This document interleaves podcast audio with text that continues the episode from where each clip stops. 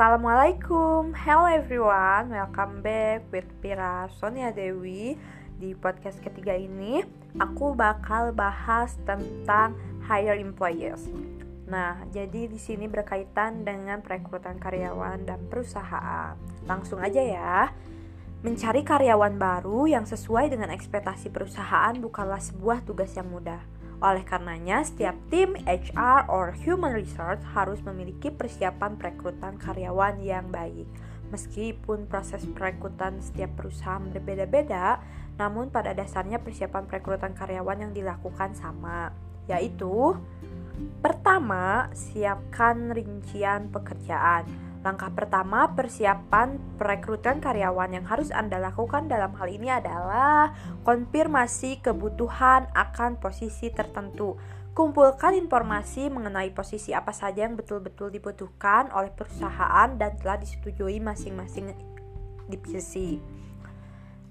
Next, pastikan budget untuk setiap posisi melihat range mengenai gaji untuk setiap posisi secara umum dan bandingkan dengan budget yang disiapkan oleh perusahaan.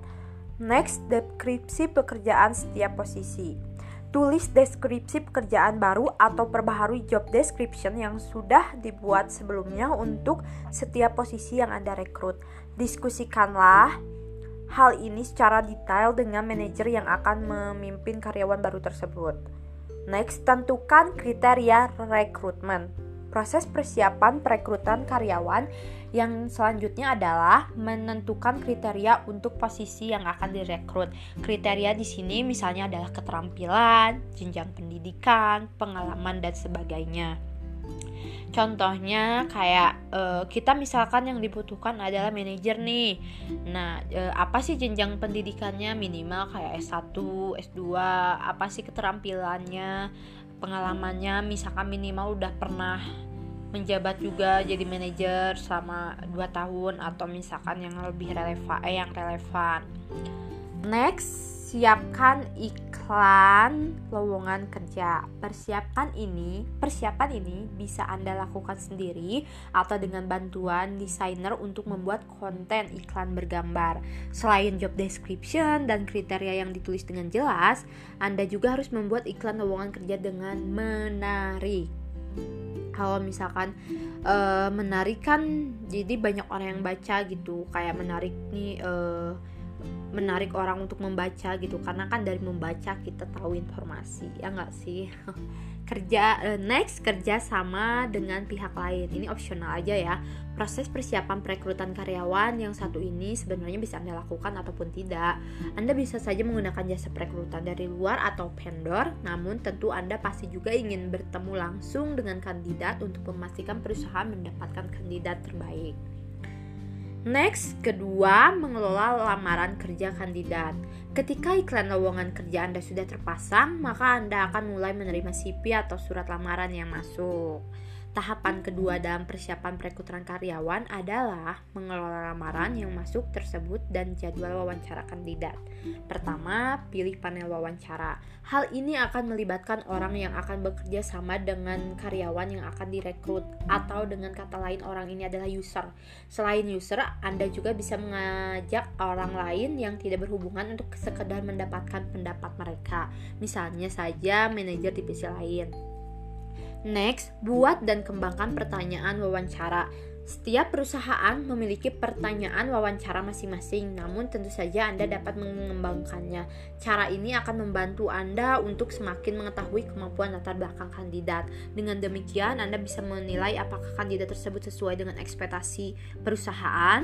Jadi kayak uh, setiap perusahaan beda-beda dan banyak tips and tricks gimana sih biar tahu uh, pribadi kita gitu. Karena kan pribadi kita tuh sangat berpengaruh untuk perusahaan. Karena kita bekerja di situ ya sehari-hari di situ dan apa yang kita lakukan itu sangat berpengaruh gitu ya. Jadi kayak atau banyaklah pertanyaan-pertanyaan dan dari setiap jawaban kadang itu menentukan kriteria kita menentukan pribadi kita. E, banyak sekali e, ya makanya kalau misalkan interview langsung pasti dilihat dari pribadi kita, dari kriteria kita, dari sikap kita seperti apa itu sangat dinilai oleh perusahaan ketika interview karena uh, itu benar-benar melihat pribadi kita gitu loh. Nah, kalau misalkan interviewnya online kayak dari CP, ada perusahaan yang meminta di uh, di print saja, diketik atau ditulis tangan. Kenapa sih ditulis tangan?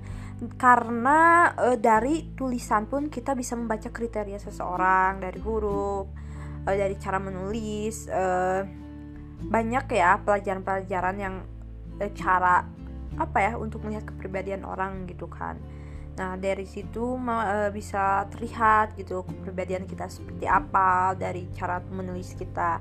Makanya ada uh, kebanyakan perusahaan yang pengen minta CV-nya lamarannya ditulis tangan. Karena ya memang terlihat bisa melihat kepribadian kita itu tergantung perusahaannya masing-masing karena dari uh, kalau langsung kadang ya dari pertanyaan dari bagaimana cara kita menjawab pertanyaan dan dari perilaku sikap kita sendiri. Hmm, mungkin cukup uh, penjelasan dari saya tentang hire employees. Uh, mohon maaf bila ada kekurangan atau apa. Semoga bisa dimengerti. Terima kasih. Wassalamualaikum warahmatullahi wabarakatuh. Sampai jumpa lagi di next podcast. Bye. Semoga sehat selalu ya. Selamat siang.